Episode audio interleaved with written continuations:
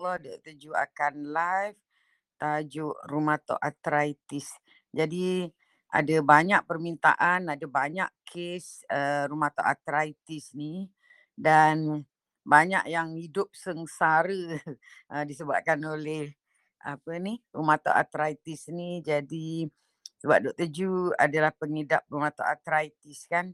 So alhamdulillah Dr. Ju boleh uh, apa ni kawal penyakit Dr. Ju tanpa ubat. Jadi Dr. Ju petang ni nak share pada pesakit-pesakit uh, rheumatoid arthritis dekat luar sana uh, macam mana Dr. Ju kawal penyakit Dr. Ju tanpa lagi bergantung kepada steroid, kepada cytotoxic drug, apa ni apa lagi uh, ubat painkiller, painkiller tu ada jugalah ambil biasalah kadang-kadang kan uh, kalau kita tersilap makan uh, semua apa ni uh, stres kadang-kadang mana ada orang hidup tak ada stres kan tapi kita cuba untuk menangani stres tu.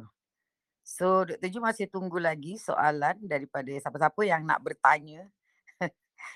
uh, untuk Dr. Ju jawab. So seorang tanya jadi nanti uh, yang lain boleh dengar, boleh jadikan pengajaran, boleh jadikan mungkin uh, apa ni nama ilmu baru. Yeah, Puan Rozila. Okey, Assalamualaikum Dr. Ju. Waalaikumsalam. Seronok sebab saya baru pegang handphone tengok-tengok Dr. Ju tengah live. Bestnya kata. Ah uh, Dr. Yeah, Ju, saya ni uh, sekarang ni uh, sekarang ni um, kita bersoal jawab berkenaan dengan masalah penyakit kan. Saya baru yeah, je yeah, pegang yeah. telefon ni. Yeah. Okay Dr. Ju, saya ni macam ni, saya ada mengalami masalah bila bangun pagi, uh, saya ada rasa macam semut-semut dekat tangan, kebas kan. Mm-hmm. Tapi bila saya go- goncang tau, go- goyang, saya gerak-gerakkan jari dia hilang. Jadi boleh tak saya nak dapat tu apa sebenarnya masalah saya, apa yang sepatutnya saya buat. Saya ni seorang cikgu. Dua belah tangan atau cuma sebelah sahaja? Uh, dia dia macam kadang-kadang tau, kadang-kadang dia duduk kanan, kadang-kadang duduk kiri macam tu lah. Tapi bila kita goyang, goyang macam dia hilang, dia bukan lama, sekejap uh-huh. je. Uh-huh. Hmm. Ada masalah kencing manis ke ada sakit apa-apa tak? Saya setakat ini tak ada tak ada apa masalah lah. Saya pernah ambil ubat yang untuk uh, saraf saya beli kat farmasi tu tapi dia tak, tak berapa jalan lah. Uh, sekarang ni saya ambil uh, uh, apa ni olive oil kan yang brand Olive tu saya ambil lah. Mm-hmm. Tapi tengok macam tak ada kesan apa lah.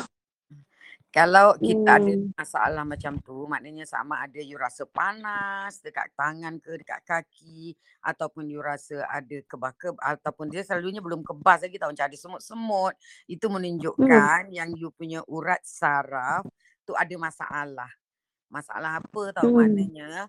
Dia uh, possibility tu uh, apa ni yang pertama sama ada urat saraf you nak rosak ataupun nak mm-hmm. jadi masalah ataupun yang kedua urat saraf you ada tersepit kat mana-mana tersepit kat mana-mana jadi maknanya, macam uh, apa tindakan yang sepatutnya saya saya buatlah ah nanti dulu dengar dia Okay. Uh, ter, uh, tersepit tu maknanya kadang-kadang kalau kat tangan kadang-kadang orang ada kes yang dipanggil couple couple tunnel syndrome. Couple tunnel yeah, syndrome yeah. tu adalah dekat tangan kita, dekat kita punya pergelangan tangan tu dia ada terowong. Terowong tu ah. namanya couple tunnel. Jadi yeah. kadang-kadang kita ada orang sama ada dia boleh berlaku penyumbatan dekat situ. Maknanya boleh berlaku mm-hmm. bengkak dekat situ yang menekan kita punya urat saraf. Uh, jadi oh. bengkak tu sama ada uh, dia ada air lebih. Contohnya orang mengandung selalu kena sebab orang mengandung selalunya air lebih dalam badan dia dia bengkak kat situ mm-hmm. dia dapat discarpal tunnel syndrome. Sindrom uh-uh. yang disebabkan oleh bengkak dekat wrist tu dipanggil carpal tunnel syndrome. Sebab mm-hmm. tunnel tu terowong tu dipanggil carpal, terowong carpal lah dalam bahasa Melayu. Okay, mm-hmm. so uh, orang yang gemuk, orang yang mengandung ataupun orang yang selalunya orang orang yang gemuk orang mengandung lah ataupun mungkin juga ada tumor ke ada ketumbuhan kat dalam terowong tu. Terowong tu kecil saja oh. sebenarnya. Oh. Jadi ya, uh-uh. itu adalah uh, punca yang sering sekali kena lah orang kebas-kebas apa ni yang uh, bukan sering yang antara punca menyebabkan orang ada masalah urat saraf dekat situ.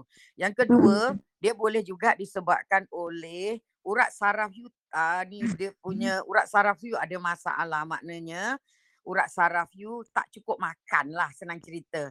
Dia tak cukup oh. makan ni selalunya disebabkan oleh you dah ada masalah salur darah. That means salur darah yang bagi makan pada urat saraf mm. urat saraf you ni ada blockage. Mm. Blockage tu sebab apa? Ha, sebab dia ada radang. Radang tu sebab apa? Sebab banyak puncanya. Pertamanya of course lah toxic food. Ha, jadi toxic food menyebabkan salur darah you dapat radang. Ada blockage. Jadi saraf you tak dapat makan. Bila tak dapat makan, dia akan jadi masalah macam tu. Uh, jadi kalau hmm. itu selalunya dia bukannya pagi saja. Dia selalunya the whole day. Tapi hmm. macam puan punya ni rasanya macam kapal tanam. You ada uh, problem obesity ke? Uh, sekarang ni berat berat 80 lah. Ah, maknanya ini sebabkan oleh obesity. So, oh. untuk membantu you ni yang pertama, you kena uh, apa ni bagi makan you punya urat saraf. That's why you pergi farmasi dia bagi you vitamin B. Vitamin B4 itu untuk repair urat saraf you. Uh, jadi B4 uh, uh, B4 lah yang you ambil tu. Tapi itu kalau dia early stage, kalau sikit-sikit jalan. Kalau banyak-banyak selalu tak jalan. So you boleh uh-uh. pergi cari suplemen lain macam kalau Dr. Ju, Dr. Ju bagi super lutein lah. Ha, itu boleh tanya tim Dr. Ju lah ha, pasal super lutein ni. Dan uh, itu apa ni yang paling penting adalah you avoid semua toxic food. 4P yang Dr. Ju ajar. Jadi bila kurang toxic food, you tak ambil margarine, you tak ambil gluten, apa ni maknanya makan makan ada mengandungi gluten, you tak ambil goreng-goreng sangat, uh, you tak ambil perasa, pewarna, pengawet, you tak ambil gula, you boleh nampak nanti inflammation reduce, radang berkurangan, oh. Urat saraf oh. dapat makan, dia back to normal. Kalau you tak oh. buat apa-apa sekarang, it getting worse. Tapi you punya ni, I rasa lebih kepada couple tunnel syndrome. Cara nak betulkan, oh. cuma kuruskan badan sahaja. Tinggi you berapa? Ah, uh, 158. Ah, 158. 158 tu selalunya dalam uh, beratnya dalam 65 macam tu je. Itu dah terlebih banyak tu. That's why lemak tu menyumbat dekat terowong tu. Oh. Uh, so, you okay, kena kuruskan okay, badan. Okay. Itu je. Sambil tu ambil jugalah suplemen supaya sebelum you kurus tu, kat saraf tu tak rosak terus dan you akan dapat kebas-kebas nanti. Ah, okay, insyaAllah saya cuba. Betul, betul, betul. InsyaAllah, insyaAllah. Okay, thank you doktor. Sama-sama. Okay. Ada siapa-siapa yang nak tanya lagi Puan Nurhana?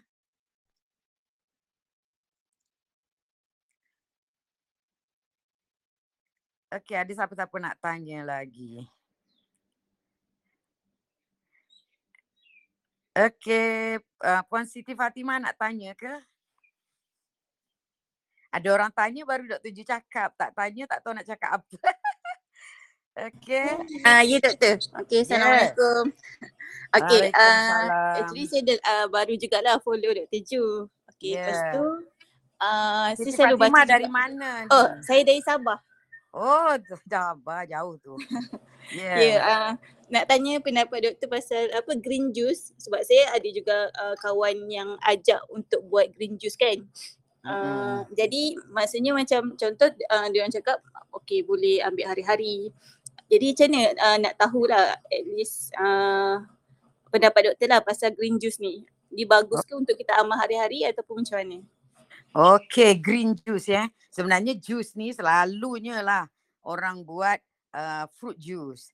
Uh, dan uh, yang kedua is green juice ni lah. Kalau ambil fruit juice itu salah.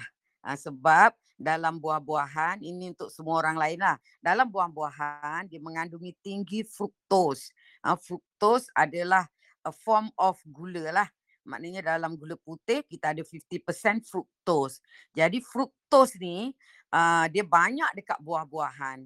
Uh, tetapi Allah Ta'ala dah jadikan dalam buah-buahan tu dia ada mengandungi fiber.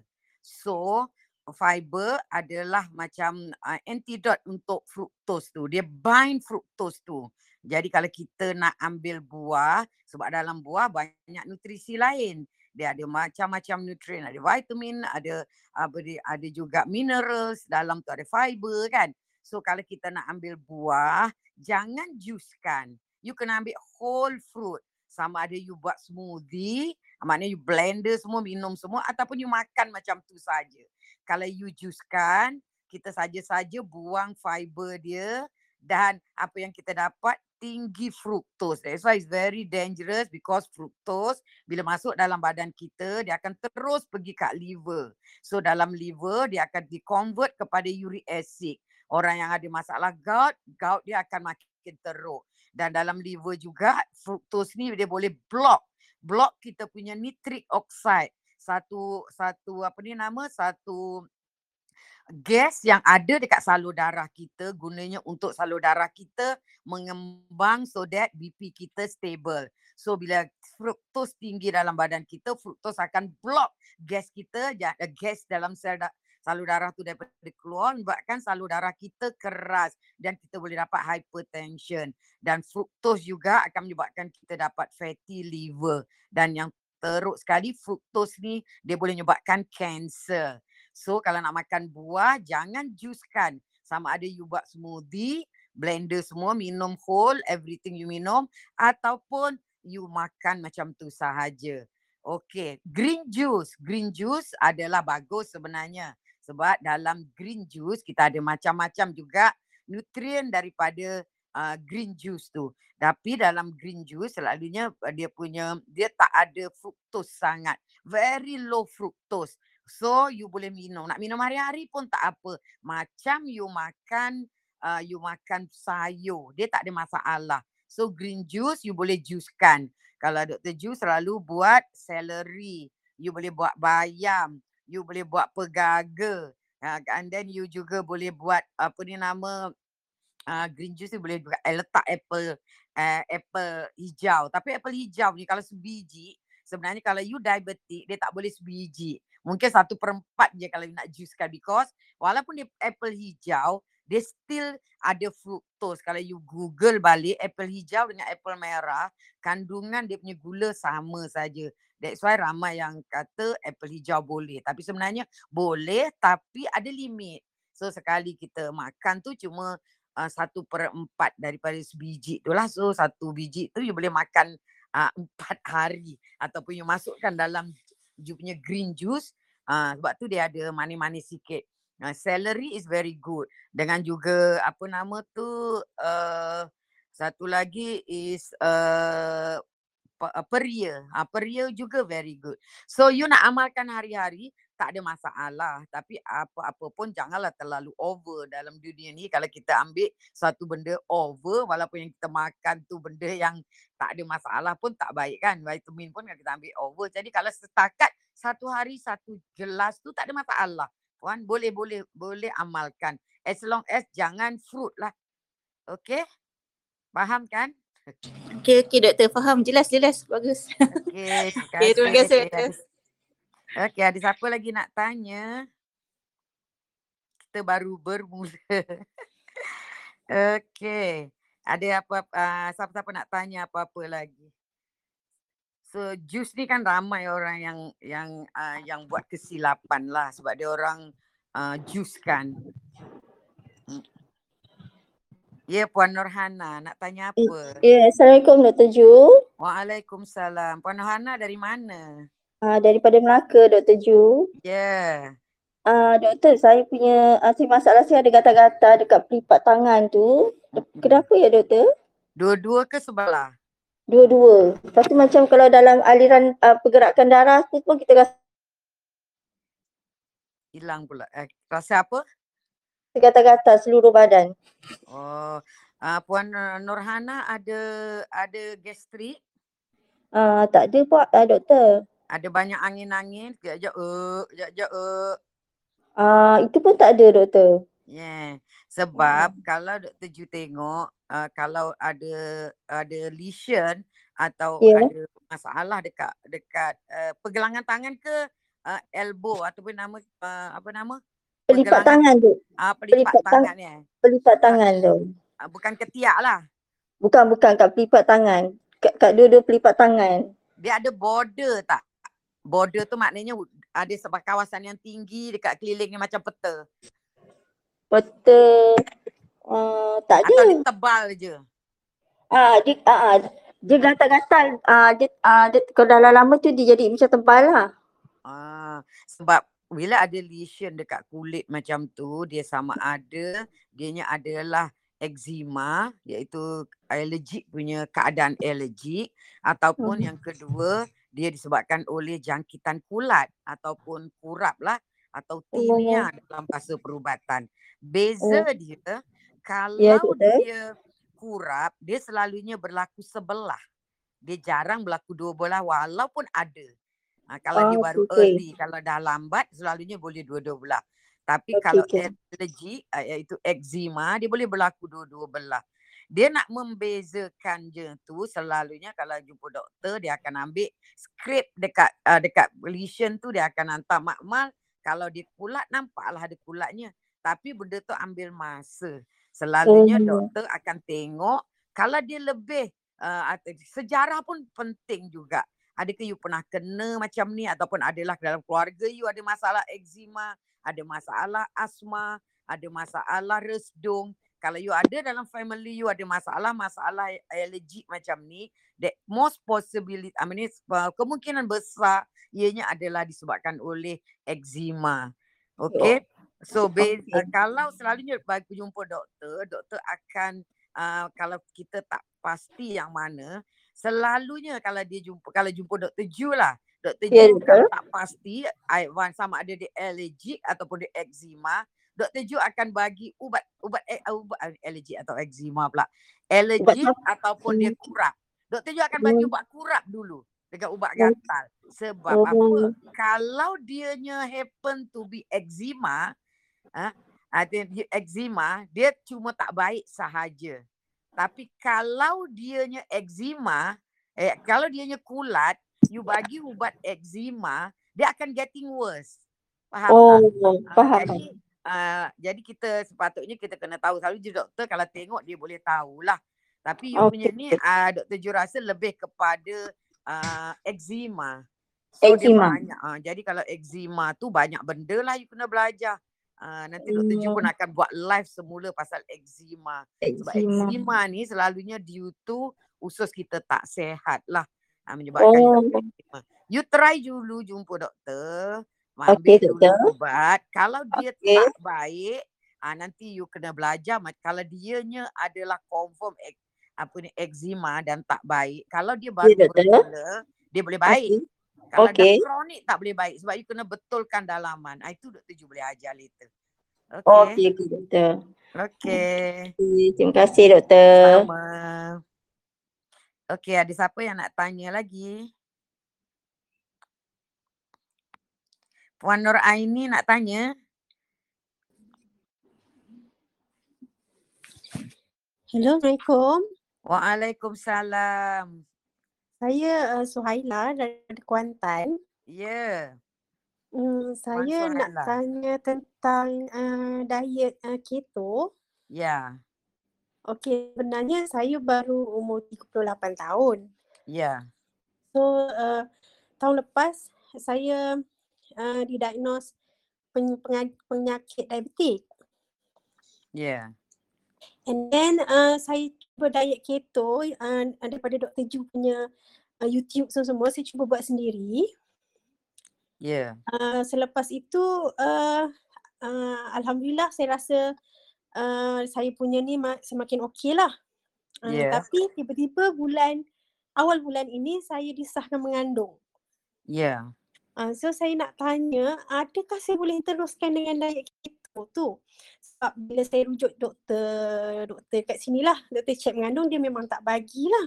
Mm-hmm. Tapi bila saya dah start dengan insulin, dah start dengan ubat uh, uh, ubat kencing manis tu, uh, saya rasa semakin lemah. letih. Yeah. Uh, saya, saya rasa macam masa saya buat dari kereta tu walaupun uh, kita buat IF sekali, saya tak rasa pun penat. Uh, tak rasa mengantuk, saya rasa uh, cergas je. Tapi bila start ambil insulin, saya cepat letih, mengantuk. So macam mana tu doktor? Saya rasa macam saya nak buat uh, masa-masa mengandung juga nak tanya doktor lah boleh ke tidak? Ini anak ke berapa? ketiga.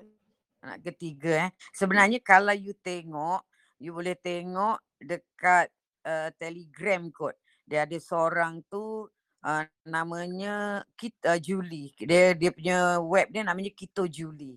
Dia ni adalah seorang pesakit POS uh, dan dia mengamalkan ketogenik diet. Dan waktu dia mengandung tu dia apa ni dia dia dapat mengandung sebab dia dah kurus dan uh, sebab dia mengamalkan ketogenik diet. Lepas tu sepanjang dia mengandung tu dia sama juga dia mengamalkan ketogenik diet. Tetapi kalau you I rasa kan Dr. Ju rasa you tak perlu pun keto lah maknanya tak payah rich ketosis lah. You buat low carb diet. Very low, low carb lah maknanya tak perlulah you sampai apa ni sampai rich ketosis sangat kena tunggu lepas bersalin nanti. Memang betul kalau you inject insulin memang letih. Tapi ini doktor je tak nak komen sangat lah sebab ini hospital punya polisi kan. You terpaksa hmm, inject mm-hmm. insulin. Apa-apa pun sebenarnya you boleh. Tapi dengan syarat you tak payah cakap dengan doktor. you tak perlu cakap dengan doktor. You buat diam-diam sudah. Even mm-hmm. uh, anak doktor Ju pun breastfeeding uh, sampai uh, ni dia boleh buat apa uh, ni ketogenic diet. Tak ada masalah pun. Anak pun sehat. Tak ada masalah. Sebab benda ni new dekat Malaysia. Uh, jadi kalau you pergi juga uh, website dietdoctor.com pun ada juga ramai yang mengamalkan ketogenik diet waktu apa ni mengandung. Uh, tapi sebab dekat Malaysia ni baru jadi uh, Dr. Ju rasa kalau tak nak kontroversi, you disalahkan ke apa, you just buat low carb diet je lah. Very low carb. Maknanya you boleh makan apa ni Ah, you cuma tak ambil gula, tak ambil benda-benda manis semua, you tukar dengan pemanis. Tapi untuk mengandung ni, yang the best uh, sweetener adalah sama dia guna monk fruit ataupun stevia lah. Dia dia apa ni, dia sangat-sangat apa ni uh, selamat lah kan. And then you boleh makan macam biasa. Pada uh, uh, lato, lato. Ah, lato boleh. Ataupun you tak you you tak banyakkan nasi ke ataupun uh, very low carb lah, low carb, mm-hmm. low carbohydrate. Uh, mungkin oh. you ambil uh, apa ni benda-benda yang high fiber ke macam tu je. Uh. Gantian pada nasi lah. Lagi satu saya nak tanya boleh ambil um, apa tu bosta? Tak ada masalah. Bosta uh. cuma kopi dengan minyak kelapa je. Anak you cerdik nanti sebab you dalam tu ada kelapa kan ada minyak kelapa. Uh, selalunya kalau you kalau kita waktu mengandung mengamalkan virgin coconut oil ataupun coconut oil ni uh, sebab coconut oil ni dia good fat, dia akan uh, build kita punya brain kan. So baby punya brain semua. Selalunya budaknya keluar sangat cerdik. Hmm, okey doktor. Tak ada masalah. Okey, okay. terima kasih banyak doktor. Sama-sama. Okey, ada siapa yang nak tanya lagi? kita ada masa setengah jam lagi untuk bersoal jawab. Yalah kalau Dr. Ju uh, uh, tahu jawab, Dr. jawab lah. Kalau tak tahu, kita simpan dulu besok. Buat research dulu, besok Dr. Ju jawab. Okay, Puan Rohana dia nak tanya. Puan uh, Puan Rohana. Siapa daddy-daddy ni? Puan Nafisa nak tanya apa? Assalamualaikum Dr. Ju. Waalaikumsalam. Ini siapa saya, orangnya? Saya Azrul ni suami ke? Rohana daripada Keluang. Oh Rohana. Okey okey. Okey Dr. Ju saya nak tanya. Kalau misal kata uh, saya ada terbaca lah dia orang cakap kalau kita punya bahagian badan hanya bahagian perut je buncit, lepas tu bahagian lain tu normal, adakah itu petanda kita ada kencing manis macam tu? Oh, uh, berat badannya ada meningkatkan. Dia macam ni, De, uh, lemak, distribution of lemak ataupun ke mana lemak tu nak nak nak hidup, eh, nak, nak, nak bertapak, dia mm-hmm. bergantung kepada genetik juga. Maknanya mm-hmm. kalau perut besar, contohnya orang lelaki, dia uh, kadang-kadang tangan kaki dia kurus pun tak nampak pun gemuk tapi perut bukan main besar that mean lemak tu berkumpul dalam abdomen dalam perut sama ada dia dekat dalam perut ataupun dia juga ada fatty liver Maknanya lemak tu berkumpul dekat dalam perut. Itu dipanggil visceral uh, visceral fat lah. Keadaan mm-hmm. bukan menandakan you ada kencing manis tetapi menandakan you ada metabolic illness. Metabolic illness tu is combination of beberapa penyakit lah. Maknanya dia ada selalunya uh, radang banyak menyebabkan kolesterol dia tinggi, selalunya obesity dan you boleh juga dapat diabetik uh, dan you bila dah dapat diabetik tu juga ada macam-macam hal lain. Jadi cuma distribution je je yang berbeza. Bendanya sama macam orang obes juga. So oh. boleh check lah, boleh check lah, selalu check lah. Yang paling penting Puan Rohana kalau nak check you ni ada pre-diabetic ataupun tidak, jangan only check you punya sugar. Jangan check you punya glucose dalam darah sahaja. Sebab kadang-kadang glucose dalam darah kita normal. Tetapi untuk you tahu sama ada you ni dah mula ada metabolic illness, dah ada pre-diabetic ataupun dia dipanggil hidden diabetic, you kena check you punya serum insulin. Pergi mana-mana doktor, uh, cakap saya nak check saya punya serum insulin. Kenapa serum insulin eh? Sebab semalam Dr. Je dah cakap bila gula dah berlebihan dalam darah kita, uh, badan kita, ni sel-sel dalam badan kita semua dah full with sugar, uh, kita akan dapat keadaan dipanggil insulin resistant. Bila insulin resistant menyebabkan kita boleh dapat diabetik dan masalah lain. Jadi bila insulin tak boleh kerja, gula tinggi dalam darah kita, badan kita akan reflect. Badan kita akan reflect dengan keluarkan tinggi banyak insulin. Sebab badan kita ingat insulin tak cukup dalam darah. Sebenarnya bukan insulin tak cukup. Tetapi insulin tak boleh bekerja. Uh, that's why insulin akan convert the sugar kepada lemak. So kalau nak tahu peringkat awal you ada masalah diabetik ataupun dipanggil hidden diabetik ataupun diabetik tersembunyi ataupun pre-diabetik, you check you punya insulin level. Especially kalau ada kat sini siapa-siapa yang obese. Ha, you all kena check you punya insulin level sebab pre-diabetik ataupun hidden diabetik dia mengambil masa about 10 to 20 years untuk dia bertukar jadi true diabetik dan di masa dalam period pre-diabetik tu kerosakan dah berlaku di merata-rata tempat. Hmm. So okay. puan boleh check serum insulin. Check serum insulin lah. Ya, yeah, ha. Okay, ada satu doktor. Uh, kan uh, kita tahu yang buah tu ada fruktos. Tapi yeah. dia cakap fruktos tu dia dia mudah di apa dibakar betul ke? Dia macam tak mudah jadi lemak ke dia tetap akan jadi lemak? Dia tetap juga akan jadi lemak. Sama je. Lagi Sama. teruk dia punya sebab. Sebab dia akan lemak tu akan berkumpul dalam lebih pada dalam hati. Jadi hmm. uh, bila dia dalam hati you punya uh, untuk dapat fatty liver lagi tinggi. Sebab Maksudnya kalau kita conversion tu berlaku dalam hati. Kalau glucose oh. conversion tu boleh berlaku dekat mana-mana sel. So kalau kita terlalu banyak makan buah pun memang dia akan menjadi lemak lah macam tu. Kalau makan buah, you ada fiber, tak ada masalah lah. Oh, okay, okay. Jangan juskan itu je. Ah, okay. Kalau makan whole tak ada masalah. Okay. Mm-mm. Okay, okay. Terima kasih, Doktor. Okay, sama-sama. Okay, ada siapa-siapa nak tanya lagi? Di eh, Diha ABG. Diha ABG ni apa maknanya? Assalamualaikum, Doktor. Ya, Waalaikumsalam Puan Nafisa Hussein. Ya. Okay, kan saya, anak saya tiga-tiga orang resdung, selalu hidung berdarah. Mm-hmm. Ha, saya tak ada resdung, suami memang resdung lah. Macam mana saya nak rawat anak-anak saya, Doktor? Oh, resdung ni, dia resdung, uh, masalah perut dengan satu lagi asma. Tiga ni dipanggil triangle. Maknanya dia ada kena-kena-mengena. So orang yang ada masalah resdung ni, resdung adalah allergic ataupun masalah you punya allergic uh, immune system you ada masalah.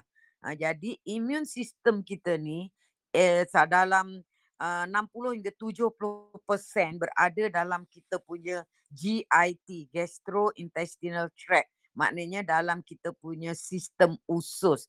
Jadi dalam sistem usus kita 80% ataupun uh, dalam 70% macam itulah ada uh, immune system. So kalau ada benda uh, apa ni uh, yang merosakkan ataupun yang uh, efek kita punya imun sistem, maka imun sistem kita akan overreact, overactive dan overactive itulah menyebabkan orang boleh dapat asma, orang mendapatkan resdung uh, dan dia ada kait mengait dengan masalah usus.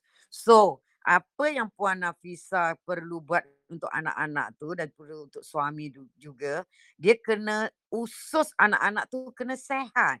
Ha, sebab ke, bila usus uh, anak-anak tu ada masalah, usus sel-sel dekat usus kita ni ada keluarkan satu hormon dipanggil histamin ataupun ni histamin ni kita tak panggil hormon lah. Kita panggil sebagai apa kita panggil uh, apa sebagai apa ni nama uh, macam uh, lebih kurang hormon jugalah tapi bahan aktif yang bertindak untuk melawan invader. Maknanya kalau dalam badan kita ada masuk benda asing, uh, sel-sel kita akan keluarkan histamin untuk uh, bertindak balas dengan bahan asing tu untuk supaya di, bahan asing tu tidak mencederakan bahan badan kita.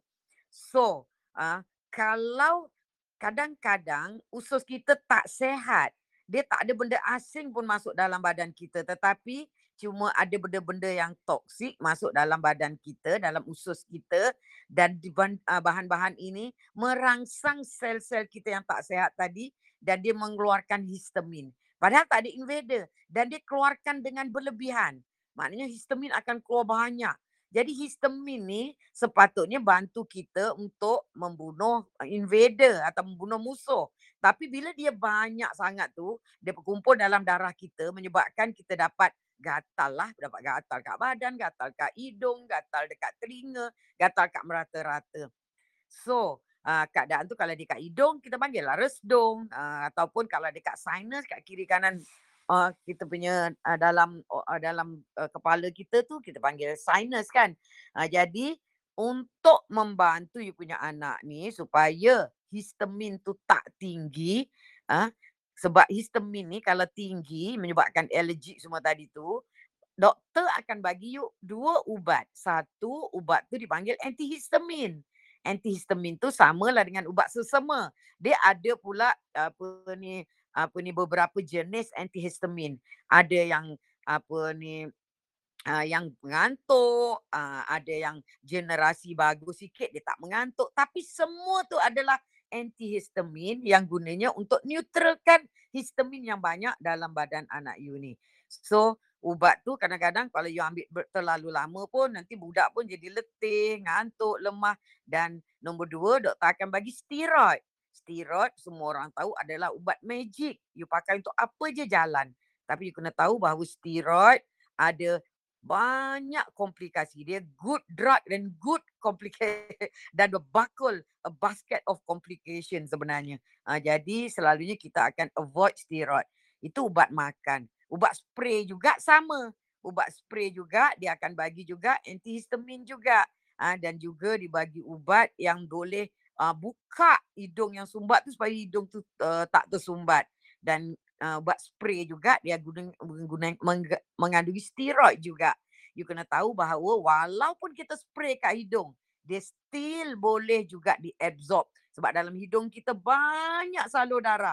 So steroid tu boleh juga diabsorb ke dalam badan kita menyebabkan immunity kita akan drop, menyebabkan anak you akan selalu demam, selalu sakit yang paling penting sebenarnya kena tahu macam mana nak kontrol. So macam nak kontrol yang pertama usus anak kena sentiasa sehat. So jangan bagi dia makan toxic food especially sugar. Uh, so you jangan bagi anak you gula. So dalam dia punya food tak boleh ada sugar. You kena cari substitute of sugar. Yang kedua orang yang ada masalah histamin ni juga uh, usus dia sensitif pada gluten. That mean kena avoid makanan yang ada tepung gandum. Ini budak-budak suka sangatlah ni roti ke apa. So you kena belajar macam mana nak buat roti yang tanpa tepung gandum. Ataupun you bagi dia nasi je. Ataupun you bagi kuih-kuih jangan ada dia pakai tepung gandum. Bagi dia kuih-kuih yang pakai tepung beras, tepung jagung, tepung ubi yang tak ada tepung gandum. Sebab benda ni uh, dia apa ni berlaku sebab usus dia tu tak sehat. usus dia oversensitif. Dan selain daripada tu orang yang ada masalah uh, resdung sensitif ni juga dia sepatutnya tak boleh ambil susu lembu. You boleh bagi susu lain selain daripada susu lembu. So kambing semua tu boleh. And then uh, perasa, pewarna, pengawet tu memang kena avoid. You punya anak ni kena ambil diet yang sehat yang kita panggil paleo diet. Bagi dia natural food. Uh, bukannya processed food. Uh, itu yang paling penting. Sebab kita selalu bergantung pada ubat saja. Dan benda ni tak boleh baik. Uh, benda ni tak boleh baik sebab resdung adalah just you punya histamin, you punya sel yang mengeluarkan histamin oversensitif sahaja. So kita kena kontrol dia. Kontrol dia supaya dia uh, back to normal. Kita kena uh, apa ni nama? Uh, kita panggil juga kita kena uh, tamekan dia. Kita kena jinakkan sel kita supaya dia tak keluarkan histamin. So benda-benda toksik tak masuk, kita pula kena selalu sehatkan usus anak-anak kita. So kena ambil uh, makanan-makanan yang banyak fiber supaya usus dia, bakteria dalam usus dia sehat. Uh, so apa ni macam apa ni nama uh, benda-benda banyak sayur lah, banyak fiber. Uh, ajak anak kita makan banyak fiber supaya dia punya bakteria baik dalam usus dia sehat supaya you punya permukaan usus sehat jadi eh, histamin tak sensitif sangat dalam badan dia. Dan kalau you nak bagi dia suplemen, uh, you boleh bagi untuk orang macam ni, the best supplement yang Dr. Ju jumpa adalah Redox. Redoxamine Ultra. You boleh tanya tim Dr. Ju, Redox ni you boleh uh, you boleh uh, dapatkan dekat Dr. Ju punya. So untuk anak you just makan satu sudut kecil sahaja satu hari, mungkin sekali atau dua kali. Itu saja. Uh, jadi uh, yang the best supplement selain daripada tu you mungkin boleh ambil natural vitamin C ataupun you ambil uh, apa ni natural multivitamin.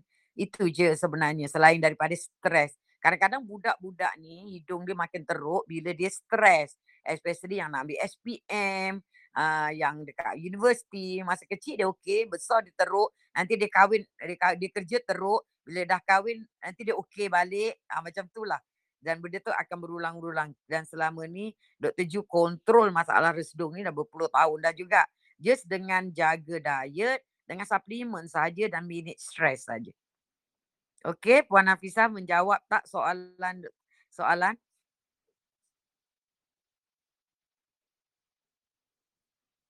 Alhamdulillah Ratu. Faham. Okey. Okay. Sama. Okey, kita ada lagi masa dalam 15 minit. Ada siapa-siapa nak tanya lagi? Assalamualaikum, Doktor. Waalaikumsalam. Nama siapa ni? Saya Diha dari dari Sarawak. Okey, ya Puan Diha. Dia nak tanya apa? Saya nak tanya ni doktor, saya punya anak kan dia selalu senggugut dah bila datang kotor hujung bulan, uh, bila dia period lah. Ya. Macam mana edukasi tu doktor?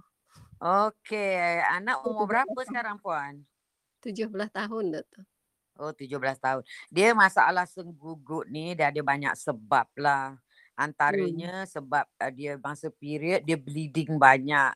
Bila dia bleeding banyak, darah tu tak boleh keluar semua. Dia berkumpul dekat uterus jadi blood clot. Jadi masa dia nak keluarkan blood clot tu macam orang nak beranak jugalah.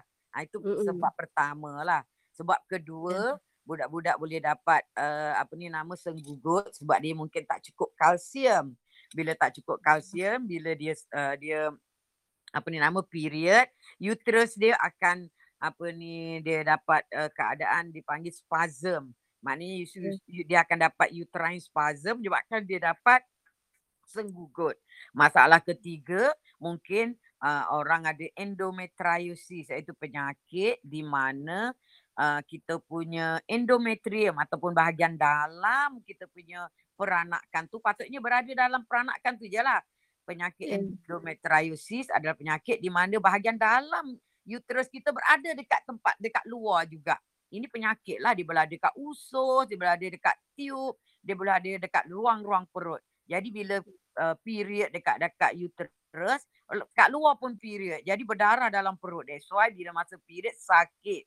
Tapi kalau budak 17 tahun unlikely lah selalunya 20 tahun ke atas boleh ada masalah ni.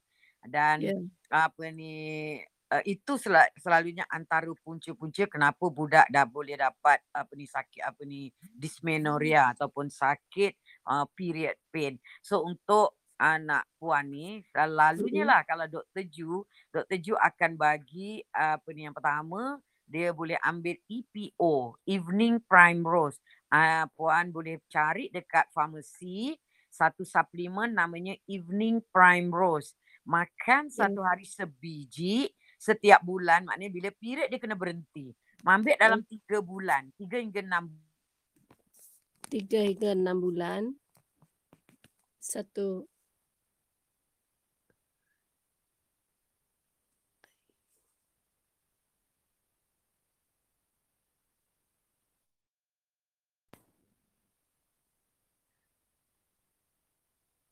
Ada doktor?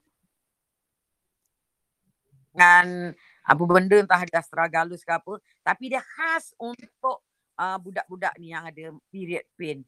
Uh, jadi dia akan uh, uterine spasm akan hilang, uh, dia punya apa masalah kadang-kadang bleeding banyak dia akan tak tak apa ni tak tak banyak bleeding, taklah banyak sangat sampai dapat period pain tu semua. So puan bagi dua benda tu je. Selain daripada apa ni painkiller. Painkiller pun tak bagus nak bagi makan selalu kan. Tapi untuk Mm-mm. yang pemakanan dia perlu jaga juga lah. Ya, Sebab sure. Sebab dia ada inflammation kat dalam tu. Uh, so 4P tu kena hindarkan jugalah. Kena ajarlah anak-anak tu. Uh, sebab benda tu ada inflammation. Radang dia radang dia tinggi tu. Menyebabkan dia dapat uh, macam-macam masalah tu. Sebab kalau dibiarkan nanti dia dapat endometriosis tau. Uh, nanti bila kahwin susah nak mengandung. Ya betul betul. Saya pernah juga lah Google tu doktor nak tengok Ha-ha. kenapa dia salah sampai simpan air panas dekat tu apa simpan dalam botol tu kan. Ah, Uh. Itu untuk menghilangkan sakit. Tapi sekarang kita nak buang sakit tu terus. Maknanya hilangkan penyakit tu. So you bagi dia EPO dengan kalsium tablet je cuba dulu. Kalau you Kalsium. boleh dapat MW punya EPO is the best lah. Itu memang dia orang dah buat kajian lah. Memang uh, dia sesuai. Memang dia untuk orang yang ada masalah ni. Oh, kalsium Mm-mm. dan EPO saja yang Ah, ah. yang ben- Ya, ya, ya. ya. EPO tu waktu dia period dia kena off tau. Nanti dah Oh, habis kalau period makan balik. Oh, period dia berhenti. Mm-mm. You belikan je. Dia tak mahal pun. Dia dia dia memang ada kurus sikit tapi saya bagi dia multivitamin juga dengan Ah, ah. vitamin C. Ah, ah. Sebab dia kurang dia selera makan tu dia tak tak nak Ah. makan sa- sangat sebenarnya anak tu. Tu yang ah. bagi multivitamin. Tapi, ah. boleh multivitamin juga. tak ada masalah. Tapi kalau untuk khas untuk uh, untuk dysmenorrhea tu memang benda tu lah. Memang EPO lah. Dengan Oh, kalsium tu. Mm-mm. oh boleh lah. Nanti saya usahakan ya doktor ya. Okay. Kasih doktor. Sama. Assalamualaikum. Waalaikumsalam. Okay, last, last. Ada soalan terakhir. ada siapa nak tanya lagi? Assalamualaikum doktor. Ya, Waalaikumsalam Puan Anida. Saya daripada Bandar Berbani. Ya. Kalau uh, minum apa air lemon uh, kita buat dengan air panas okey ke ataupun kita buat dengan air suam saja. Oh, okay. Sebenarnya lemon ni uh, dia bukan uh, dia alkaline tau, dia bukan acidic. So. Uh, dia banyak study dia orang buat lah lemon ni. Kalau you minum dengan uh, kalau you ambil lemon tu, you curah dengan air panas, uh, jadi uh, lepas tu dia sejuk you minum, you akan dapat khasiat dua. Satu daripada lemon tu sendiri, satu daripada kulit lemon tu. Ah, yang ini kulit lemon ni ada study menunjukkan yang pahit-pahit tu lah. Ah, you, dia ada efek antioksidan dengan anti cancer. So yang terbaik sebenarnya you pakai air panas, ah, you curah air panas, you nak letak teh pun boleh. Kemudian you biarkan dulu. Ah, yang pahit-pahit tu yang sebenarnya ubat. Ah, yang sedap, yang ubat lah dia taklah sedap sangat. Kalau you cuma untuk ah, minum-minum sedap, you just ambil air, ah, ambil isinya je lah. Ah, you perah je lah uh, untuk masam-masam gitu.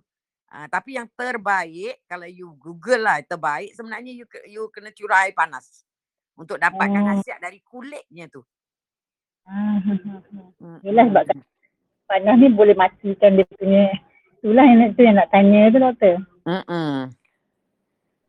Uh, Lagi satu doktor nak tanya yang uh, uh, Kriol tu, K-R-I, uh, Kriol tu. Tu Ah, ah. um, elok untuk apa tu doktor? Triol, inter apa ni apa ni T3 ke? Bukan, uh, saya baca dia uh, beri penerangan sikit. Kri- Kriol ni dia ambil daripada hidupan macam daripada uh, laut ni ikan macam apa macam ni? Uh, itu yang saya nak tanya doktor tu K-R-I, Kriol, minyak kri. Oh, tak Dr. Ju tak tak perasan pula tak tahu nanti Dr. Ju check dulu kemudian nanti Dr. Ju bagi tahu. Sebab tak tahu tak pernah dengar pun triol ni. Dia dalamnya dia- apa kandungan dia? Dia kata dalam tu dia mengandungi macam uh, apa kata orang dia um, uh, macam kita um, makan apa ni uh, daripada hidupan laut yang uh, dia kata sangat dalam macam yang yang memang mahal sikit lah dia punya harga. Omega lah tu. Dia ada omega 3, ada DHA, ada EPA. Tu okey. Ha, Bagus. itulah. Ha ah. Kita Ha tak ah, pun tak ada masalah. Maknanya dia mengandungi tinggi omega 3 lah tu. Omega 3 ni sebenarnya sangat important lah. Sebab dalam badan kita kajian menunjukkan kita kita Hmm. dalam badan kita ada omega 3, ada omega 6. Maknanya badan kita perlukan both. Perlukan Hmm. dua-dua. Dia perlukan omega 3, omega 6. Omega Hmm. 3 anti radang. Omega 6 adalah radang. Jadi Hmm. badan kita perlukan both dua-dua tetapi dalam keadaan seimbang. One in one ratio dia. Tetapi kajian menunjukkan bahawa dalam tubuh kita sekarang ni omega 3 dengan omega 1 tu maknanya one in seven. Maknanya omega 6 tu sampai 7 kali ganda omega 3. That's why kita banyak ada radang dalam badan kita yang membawa kepada macam-macam penyakit. Uh, cancer, metabolic illness semua. Jadi uh, omega 6 kenapa tinggi dalam badan kita sebab kita kena tahu bahawa dekat luar sana majoriti daripada penyediaan makanan menggunakan minyak-minyak yang tinggi omega 6 iaitu minyak sama ada dia orang pakai minyak jagung, minyak soya, minyak bunga matahari. Jadi minyak-minyak tu mengandungi very high omega 6. Ha, jadi dia orang tak akan buat kek, dia orang tak akan buat donat, dia orang tak akan buat dekat KFC ke apa pakai minyak sawit, minyak kelapa, tengik you- kita punya makanan. That's why kita punya apa ni kita punya apa ni badan mengandungi tinggi omega 6. Jadi macam mana untuk kita seimbangkan omega 6 dengan omega 3 ni kita kena ambil dari luar lah omega 3 tu. Kita kena ambil banyak-banyak omega 3 so that dia punya ratio boleh seimbang dan jangan ambil ah, makanan-makanan yang mengandungi banyak omega 6. So rasanya 3 ni mungkin tinggi omega sebab omega 6 yang terbaik adalah daripada omega 6 pula. Omega 3 yang terbaik adalah daripada ikan ataupun apa ni ikan daripada laut dalam sana. Dia tak ada pencemaran sebab sekarang orang nak ambil omega 3 pun takut. Sebab kalau omega 3 tu daripada ikan-ikan yang besar yang lama hidup dalam laut, dia dah makan banyak mercu- mercury. Mercury ni adalah raksa lah kan. Yang kalau kita am- ambil, kita boleh dapat kanser. Jadi kadang-kadang orang takut. That's why antara ikan kecil, ikan besar, kita kena pilih ikan kecil. Sebab ikan kecil hidup dia sekejap. Dia tak sempat pun makan raksa. Ikan bilis tu pun bagus. Dia cepat mati kan. Kalau ikan besar, ikan paus ke, ah, itu umur dia sampai berpuluh tahun.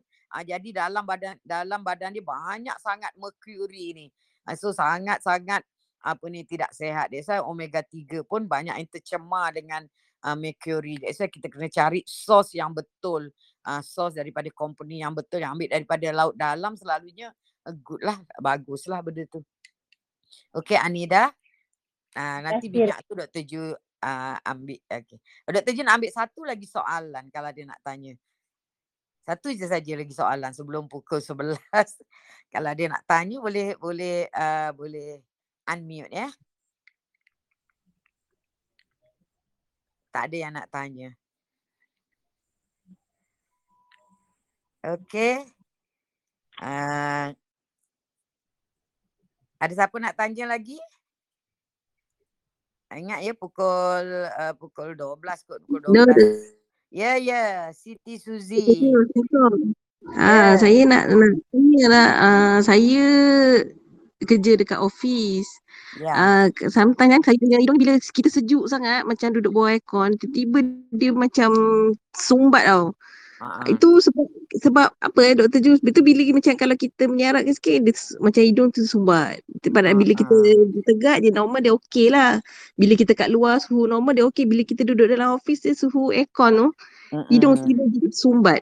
Itu kenapa. Adakah salah, satu sebab uh, resdung ke ataupun ada benda lain ke? Naik ke kena tengok jugalah, Hmm. kena tengok dulu, check dulu. Uh, ramai orang yang dia tak perasan dia punya hidung ni dia ada deviated septum dekat hidung dia ataupun kalau you tengok cermin, kalau you tengok mungkin you tak tahulah, doktor tengok tahu. Kalau you tengok kat cermin mungkin sebelah tu ada penuh, sebelah lagi kosong. Ha, keadaan tu dipanggil deviate apa ni deviated nasal septum.